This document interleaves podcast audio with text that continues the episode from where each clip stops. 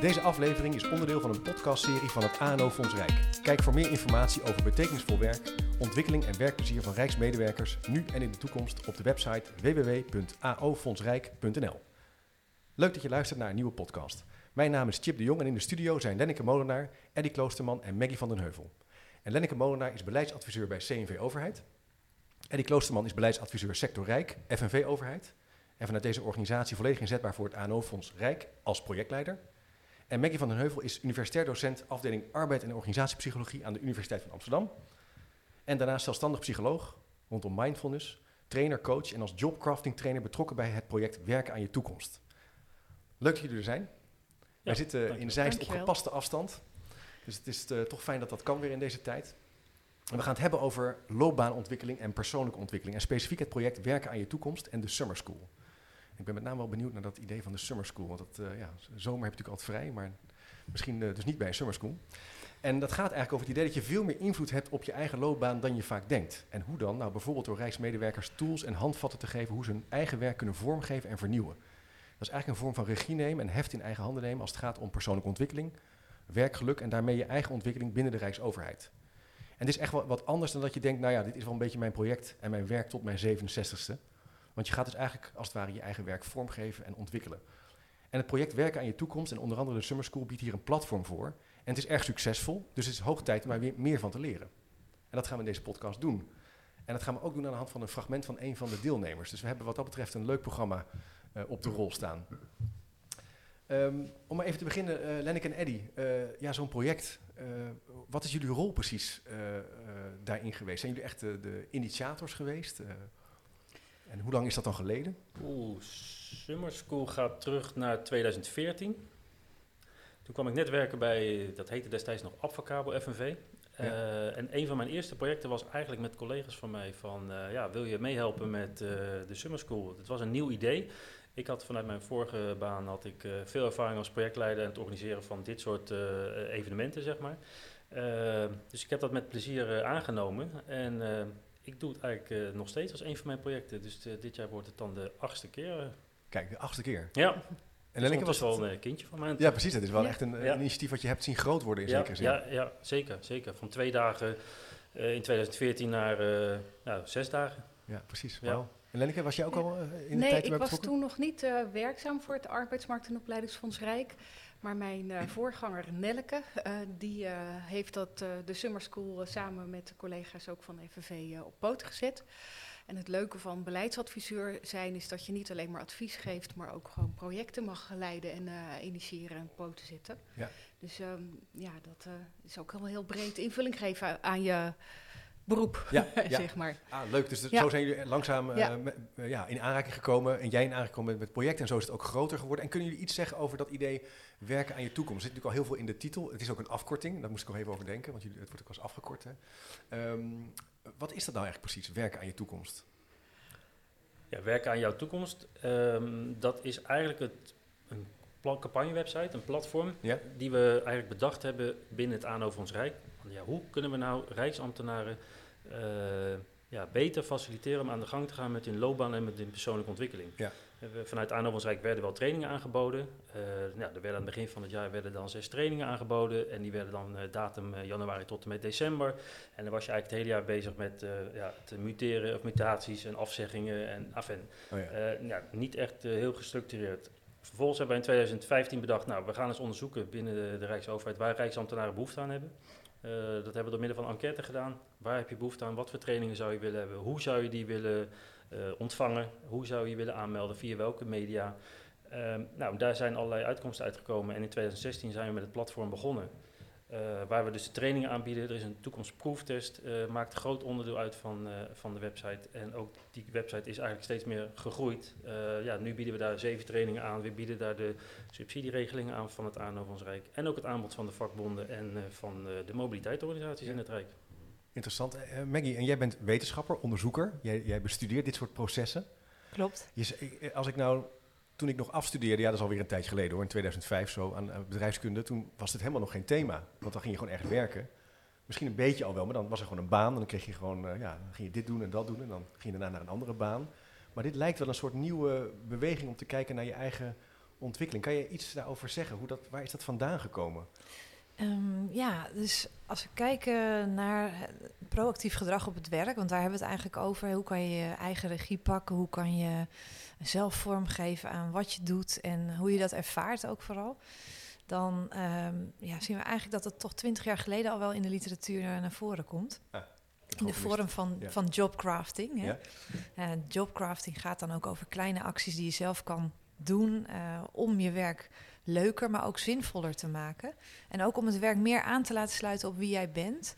Niet alleen je persoonlijke voorkeuren, maar ook ehm, je talenten. Eh, wat kan je, wat is je ervaring en wat wil je ook bijdragen?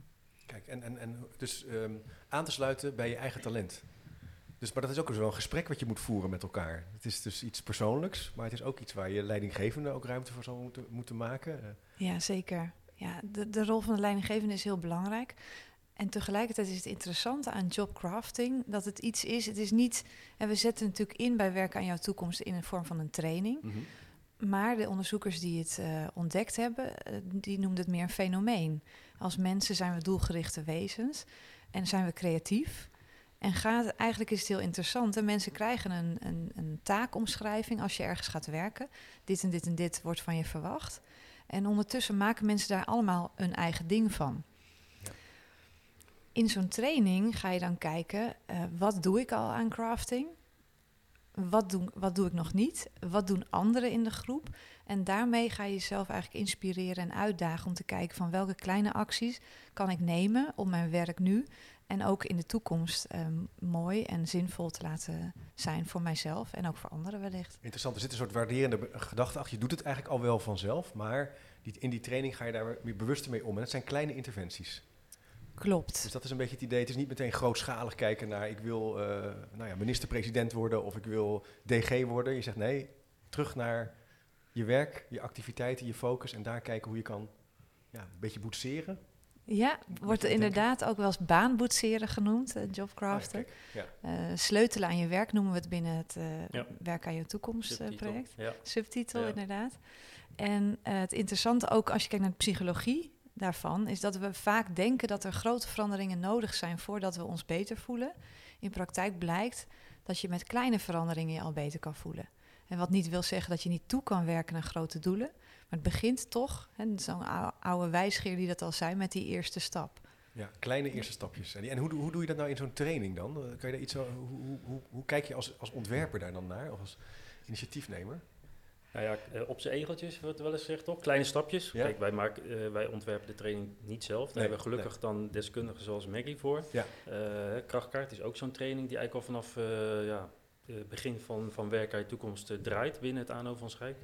Eh, daar hebben we dan deskundigen voor die zo'n training ontwikkelen. Ja. Maar die de mensen worden echt wel aan de hand genomen en het is heel laagdrempelig. Dat is wel, denk ik, voor ons vanuit het ANO van Schijk heel belangrijk. Laagdrempelig. Mensen moeten het, eh, de- een vertrouwde omgeving voelen dat ze inderdaad met, met collega-rijksambtenaren aan de slag kunnen gaan met hun eigen persoonlijke ontwikkeling. Ja, en waarom is dat belangrijk? En dan denk ik dat je dat, Nou, dat, dat, zo, dat, je dat. Uiteindelijk gun je eigenlijk eh, iedereen, tenminste dat is mijn motivatie ook heel sterk, eh, dat je nu en later lekker in je werk zit. En dat je echt ook zelf de tools daarvoor in de handen hebt om daar wat aan te kunnen doen. Ja. En eh, nou, werken aan je toekomst gaat daarover. En onder andere via jobcrafting, maar ook andere eh, trainingen waarmee je dus eh, daarmee aan de slag kan gaan. Zonder dat het helemaal groots en mislepend en ingewikkeld en eh, moeilijk wordt. Maar samen in trainingen Ja. en soms ook even tussendoor online kijken. Dus ja, daar, daar draait het eigenlijk allemaal om bij Werken aan je toekomst. Ja. En er is natuurlijk heel veel training en opleiding binnen het Rijk. Wat we voor, bij het opleidingsfonds proberen is daar aanvullend op te zijn of juist naartoe door te verwijzen. Ja. Zodat mensen zin hebben om daarmee aan de slag te gaan of elkaar inspireren. Dat is wel fijn. Dus het is ook een soort netwerkplek waar je, waar, Ja. waar je ook geholpen wordt om te kijken van... hé, dan zou dat dus wel wat voor jou kunnen zijn. Dit zou wat voor jou Ja. kunnen zijn. En op die manier kan je een beetje zo boetseren, vormgeven. Ja. En, en het Rijksbrede is daar heel erg leuk aan. Dus dat eh, krijgen we ook telkens weer terug Ja. ook van eh, mensen die die trainingen volgen, maar ook van de trainers. Van eh, mensen eh, gaan elkaar rijksbreed eh, netwerken, eh, dingen toesturen. eh, En wat is rijksbreed, Eddie? Even voor mij. eh, voor- daarmee bedoel je maakt zeg maar op een eh, over de- werk, werk je bij de Belastingdienst, dan kan je bij je mobiliteitsorganisatie binnen de Belastingdienst een training volgen. Ja. Ehm, dat kan niet als je bij DI werkt en je zou via de Belastingdienst een training willen volgen. Bij het ANO van ons Rijk kan dat wel. Ah, ja, Dus precies. daar komen mensen die bij, of bij Rijkswaterstaat werken, of bij een kerndepartement, of bij DI, komen gewoon gezamenlijk naar die training toe en kunnen op die manier ook kennis en eh, ervaringen uitwisselen. En dat is echt wat de meerwaarde, Ja. denk- durf ik wel te stellen, van, van onze projecten. Dat zien we bij de Summer School, dat zien we ook bij Werken uit de Toekomst. De deelnemers geven dat elke keer weer terug bij de evaluaties. De trainers geven dat ook echt aan. Want het is gewoon mooi om te zien dat mensen horen van... hé, hey, eh, eh, het gras bij de buurman is niet, eh, is niet veel groener dan, Nee. dan bij mij. eh. Spelen dezelfde thema's. Ja. Maar is dat En- zo, Maggie? Spelen onderliggend, als je dus even erboven hangt, vergelijkbare patronen of dilemma's?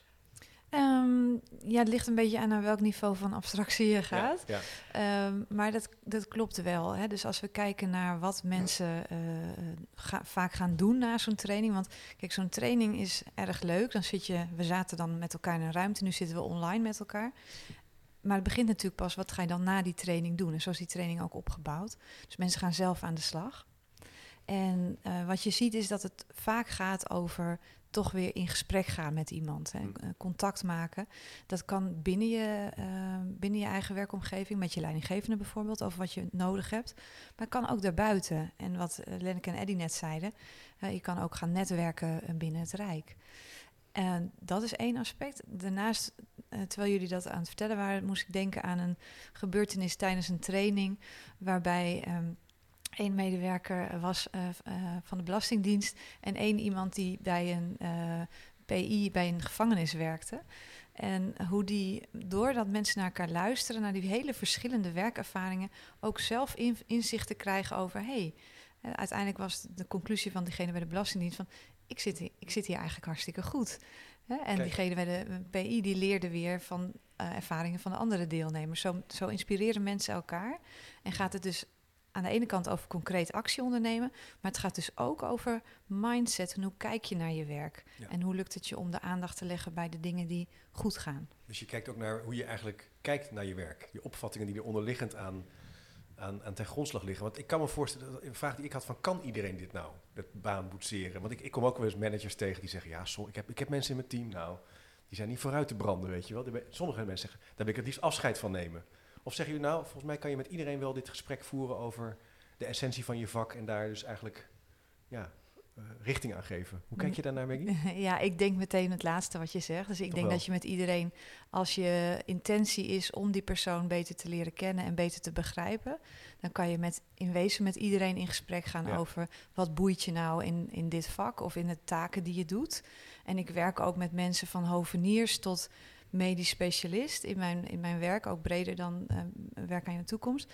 En met iedereen kan je in gesprek gaan. En het mooie is dat we een model gebruiken wat ja, heel veel wetenschappelijk onderzoek mee gedaan wordt, maar wat ook iedereen kan begrijpen hè, op alle niveaus. Ja. Het is ook dus praktisch toepasbaar. Heel praktisch dus niet, toepasbaar. Niet zo'n zo'n wetenschapsmodel waar je denkt, ja, het zal wel kloppen, maar uh, wat moet ik ermee? Ja. Dus het is heel, het, maar het is ook wel onderbouwd in zekere zin, want jij doet er ook echt onderzoek naar. Klopt, ja. Ja. ja. En dat is voor mij, als je het kijkt naar eigen crafting ervaring, vind ik dat ook een van de leukere dingen. Dat tijdens zo'n training ben ik mensen uh, mee aan het nemen in die theoretische wetenschappelijke wereld.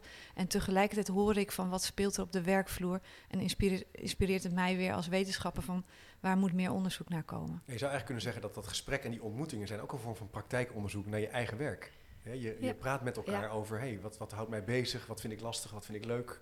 Ja, Ja. en dat zien we ook heel erg terug op die, eh, bij die projecten. Hè. Bij Ja. Summer. School eh, zie je dat echt heel veel gebeuren. Ja. Mensen gaan ook tijdens een training, tijdens een eh, proeverij, gaan ze dan in tweetallen uit elkaar, of in viertallen. Dan wordt er gespeeddate.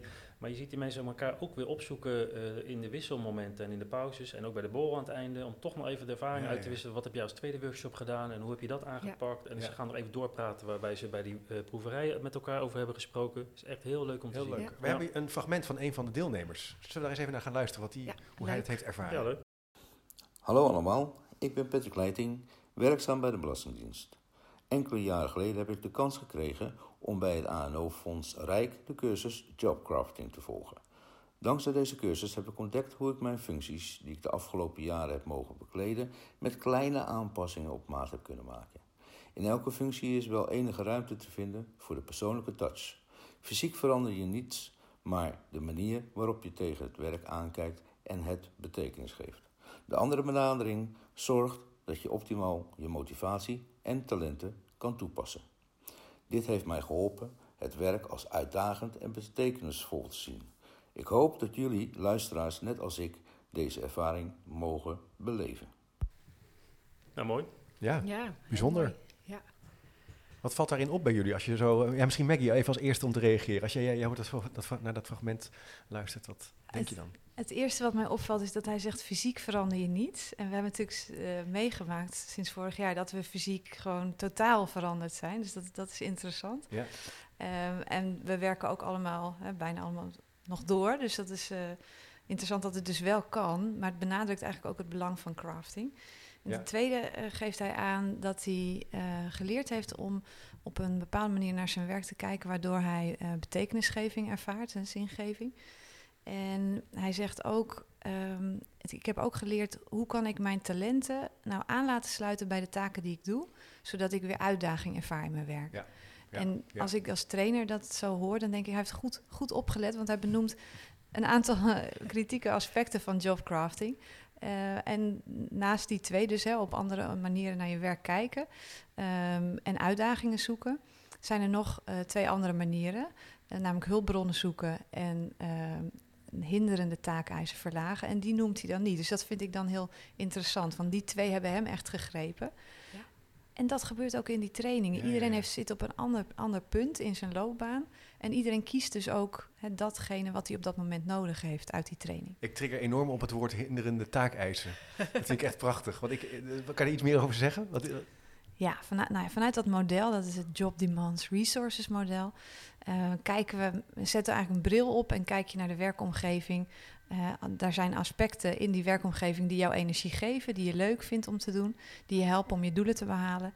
En tegelijkertijd kennen we natuurlijk ook allemaal dat er aspecten zijn waar we last van hebben. Hè, administratieve rompslomp, eh, bureaucratie, noem maar op. ja. En dat noemen we dan hinderende taakeisen. En tot slot hebben we ook aspecten die wel energie kosten, maar die ons ook een gevoel van voldoening kunnen geven. En dat zijn de, de uitdagende taakeisen. ja, precies. Ja. Leuk, dus daar kan je dus eigenlijk mee, mee spelen met die concepten. Je kan dus naar gaan kijken. Ik moet even meteen denken, ik, ik, ik schrijf graag, maar ik ben qua taal niet altijd zo heel precies. En ik heb soms wel eens nachten wakker gelegen als ik, ik heb een tijd voor de NRC onderwijsblogs geschreven. Ja, dan was ik heel bang van ja, hoe komt dat over? Weet je, heb ik een goede zinnen gebruikt? Tot ik bedacht, ik kan gewoon iemand vragen die dan voor mij Ja. eh, eh, die, die tekst even redigeert. En dan stuur ik het op. En, dan lig, en dat gaf mij een enorme rust. Want ik ben eigenlijk niet zo goed in, in dat hele specifieke. Dus dat zou er misschien, zou even een voorbeeld, ik moet even denken Ja. aan een voorbeeld van eigenlijk spelen met je werk en het eigenlijk leuker maken, betekenisvoller. ja. En dat is eigenlijk de uitdaging die je eigenlijk, eh, wat, wat, wat voor je ligt als je dus mee gaat doen aan die, aan die, aan die, aan, aan die leergang, aan die cursus, aan die ontmoetingen. Ja, klopt. En ja, wat jij zegt is een heel mooi voorbeeld van taakeisen optimaliseren. Optimaliseren, Dus- ja. Kijk, Dus jij, haal- jij wint tijd en iemand anders heeft daar weer een Heeft- leuke klus aan. Ja, Ja. En het leuke is, dat kan je als individu doen, maar je kan dat dus ook in groepen doen. Ja. Ook in teams bijvoorbeeld. leuk, interessant. Eddie, nou is het, eh, kan ik me ook voorstellen dat zo'n zo'n initiatief als dit, dat, je dat, dat sommige managers misschien of bestuurders vragen van ja, wat levert het nou op onder de streep? Hè, het, eh, het is altijd bij leren een vraag, hè, de, het leren presteren debat. Het moet de lijn in, we moeten het weer aan de business koppelen. Hoe kijk je daar nou naar, naar zo'n naar zo'n toch vaak eh, kritische vraag bij dit soort wat bijzondere initiatieven? Ja, t- terecht dat die vraag gesteld wordt. Het kost natuurlijk geld. eh, hè, vanuit het ja. ANO van ons Rijk. Ja. Dus bestuur we ook graag zien wat levert het op. Dus we zijn eigenlijk al vanaf het allereerste moment met eigenlijk alle projecten die we doen, wij meten eigenlijk alles. Alles aan de voorkant en alles aan de achterkant. Dus wij Ah. weten eigenlijk precies wie er komen, ehm, wat de achtergronden zijn van de mensen. Alles is natuurlijk uiteraard AVG-proef. Mhm. Eh, als mensen het niet willen invullen, dan eh, kunnen ze dat eh, ook gewoon doen. Veldje invullen, weet niet, wil niet zeggen. Dus mensen zijn vrij om het aan te geven. Maar we vragen de mensen altijd wel nadrukkelijk om het aan te geven. En Ja. ook bij de evaluatie vragen we de mensen weer om aan te geven... wat heb je ermee gedaan, wat heeft het je opgeleverd, welke stap heb je ondernomen. En dat koppelen wij ook altijd terug aan het bestuur. En op die manier eh, ja, kan het bestuur ook weer aangeven van... nou, hè, als je het volgend jaar gaat doen, eh, mik dan even daarop... of zoom in op dat eh, probleem of op die doelgroep... En op die manier ontwikkelen we eigenlijk altijd die projecten door. Dus je hebt echt wel een, een soort eh, ja, sturingsinformatie, ben je, daar ben je Ja. mee bezig. Ja. En is, hoe is dat voor de deelnemers? Denk ik, wat kan me voorstellen, je wil niet, ja, je, je kan, ja, altijd, wat meet je wel, wat meet je niet, hoe ver Ja. ga je? Je moet daar een soort balans denk ik in proberen te, te vinden, of niet? Ja, nou ja, het, ehm, sommige vragen zijn ook gewoon leuk om te antwoorden. Ja, gelukkig. Bijvoorbeeld, eh, welke stap heb je genomen? Eh, en dat kan ook gewoon zijn eh, met mijn collega praten. En Ja, dat is ook een ja. goede stap. Dus het is niet zo dat je dan, weet ik veel, helemaal van baan hoeft te veranderen. Of dat je tot de conclusie komt, ik zit hier goed, wat Maggie al vertelde. Dat is ook een mooie conclusie om te zien. En waardoor je weer eh, lekker in je werk gaat zitten. Ja. Dus daar heeft een eh, leidinggevende heel veel aan, zeg maar, eh, wat dat betreft. Ja, het zijn trouwens wel informatie, het gaat niet Ja. naar leidinggeven. Hè? Dus Nee, het, is, het nee. is wel... eh, Nee, nee, precies. Het, het is, het is voor jullie als, als, als, Ja. als als, team. project, als team, als projectteam en eh, eh, anoniem worden die gegevens natuurlijk, of, of samengevoegd, Nee. wordt het dan geëvalueerd. Dus Ja. het is niet zo dat er individuele gegevens over Ja. en weer gaan, absoluut niet. Nee, maar het, En- geeft je wel, het helpt ja. je wel natuurlijk om, eh, om die verbinding te maken met ja, presteren en leren. Om het Ja. concreet te maken, hè, meetbaar, merkbaar. Dat zijn toch altijd wel... Dus het is niet zomaar... eh, ja. Nee, en wat mensen ook doen is, eh, juist omdat het dus eh, zonder goedkeuring van je leidinggevende is, eh, eh, gebruiken die summer schools, maar ook die trainingen van werken aan je toekomst, om daarna een goed gesprek eh, met je leidinggevende erover aan te gaan. Dat je Kijk. goed voorbereid bent van, goh, ik zou deze training of opleiding willen volgen op basis van, nou ja, meer zelfkennis die je hebt opgedaan. Dus het faciliteert ook de verbinding tussen Precies. leidinggevende en professional. En, en nou zou ik dan graag toch even naar de summer school willen. Ja. Want dat is- klinkt wel spannend. Wat is dat? Kun je daar iets meer over vertellen? Dat, is- dat vindt in de zomer plaats, denk ik. F- ja, voorafgaand aan de zomer. We hebben gezegd, eh, de zomerperiode is een goede tijd om, eh, om even achterover te zitten en na te denken over je eigen loopbaan en je eigen persoonlijke ontwikkeling. Dat is de achterliggende gedachte. Ja. En ja, we zijn daarmee begonnen met het idee van we hebben een mooi, mooi aanbod aan trainingen. Maar hoe kunnen we de mensen eigenlijk nou nog meer ja, in beweging krijgen of aan het denken zetten over hun eigen loopbaan en persoonlijke ontwikkeling? En op die manier hebben we eigenlijk dat evenement bedacht.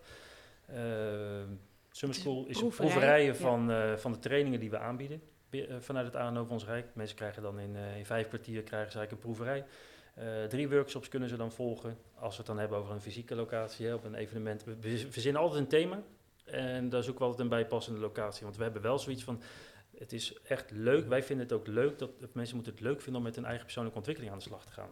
Dus ja, je kan wel ergens een zaaltje huren achteraf. ja. En dat is prima. En dat Ja. gebeurt eigenlijk al eh, goed, veel. Maar wij dachten, wij moeten het anders doen. Jullie maken er iets bijzonders van. Ja, ja, ja, we Ja. zijn in voetbalstadions geweest, eh, we zijn in dierentuinen geweest.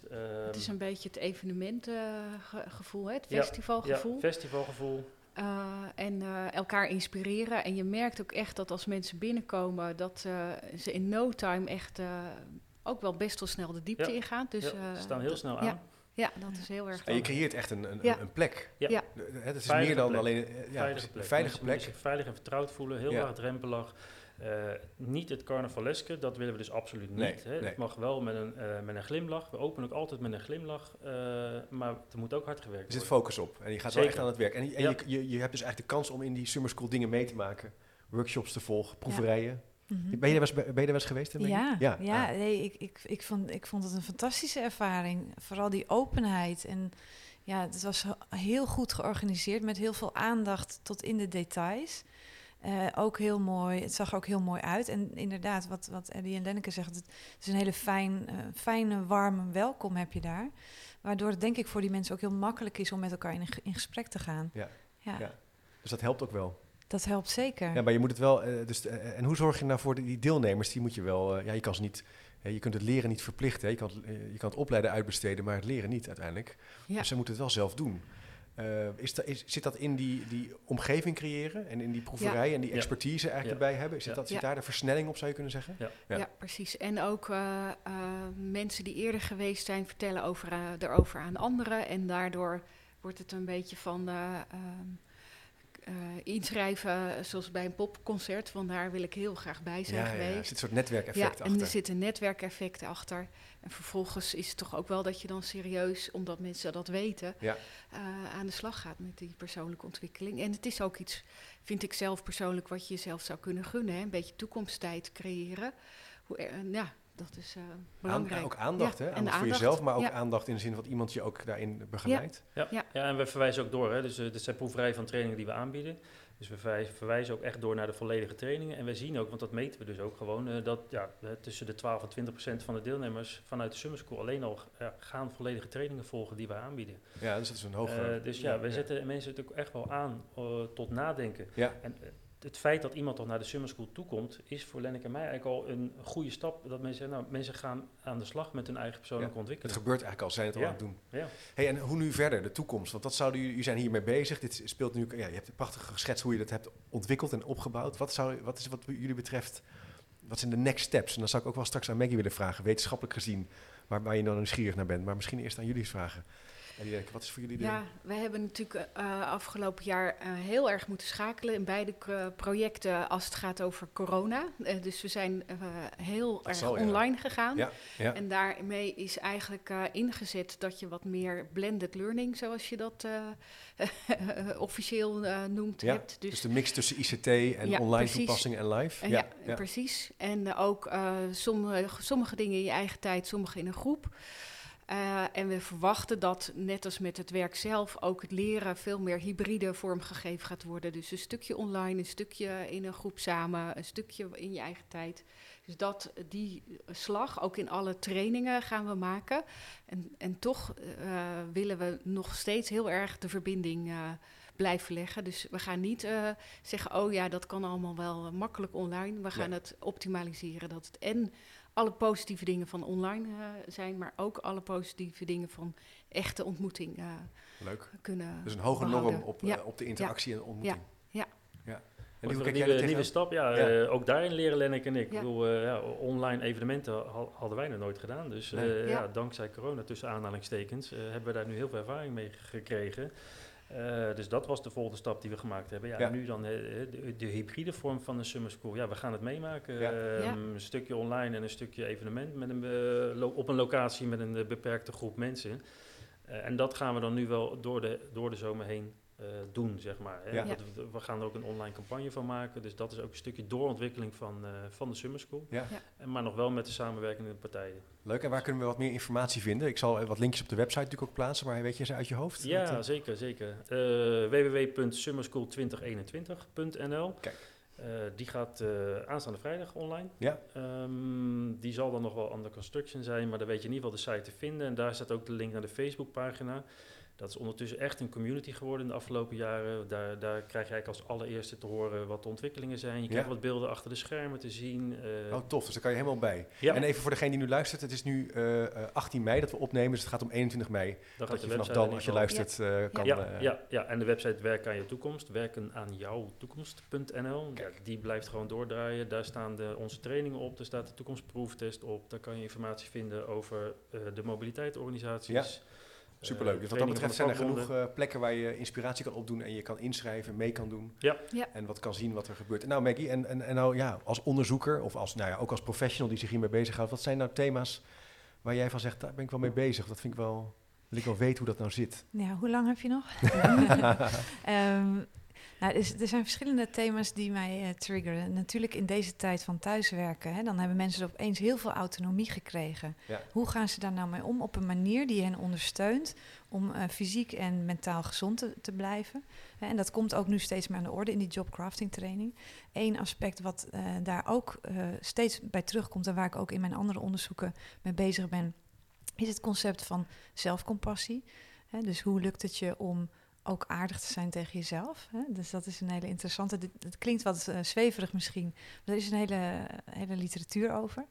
Ehm, een ander aspect wat heel interessant is, mensen zitten in de training en komen weer terug op de werkplek. En je noemde het eerder al, de- hoe gaat de leidinggevende daarmee om? Maar ook hoe kunnen we leidinggevenden ondersteunen om dat craftinggedrag bij zichzelf, maar ook in hun mensen Ja. te stimuleren. En zodat er een soort bedding komt van die mensen die terugkomen van al deze mooie trainingen, ook op de werkplek, zodat binnen de werkplek men ook verder ontwikkeld wordt Dat is ook een daarin. interessant strategisch eh, eh, HR-vraagstuk. Het, eh, de transfer van leren en ook dus de leidinggevende bij betrekken in plaats van het eruit halen en dan weer erin proberen te... Precies. Ja, ja, ja. Ja, en dat zit ook eigenlijk helemaal in, in de visie hoe ik er naar kijk. eh, Op verschillende lagen interventies hebben.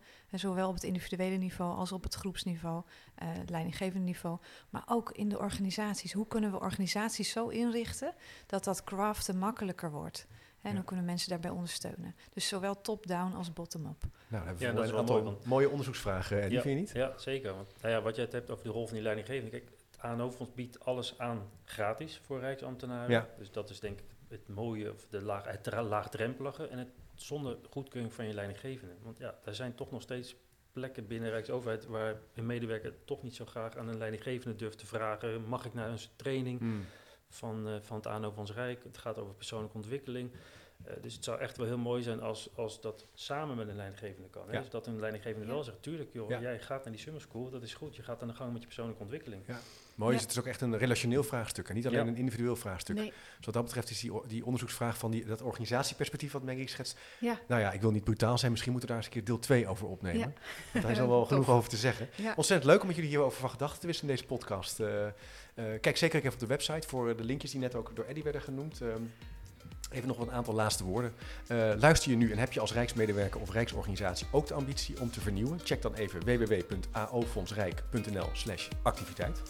En zoek naar subsidieaanvragen bijvoorbeeld. En voor meer informatie over dit project, werd al even genoemd, check www.werkenaanjouwtoekomst.nl. Ik zou zeggen, bedankt voor het luisteren. Leuk dat jullie in de uitzending waren en tot de volgende keer. Graag gedaan. Dankjewel, heel leuk.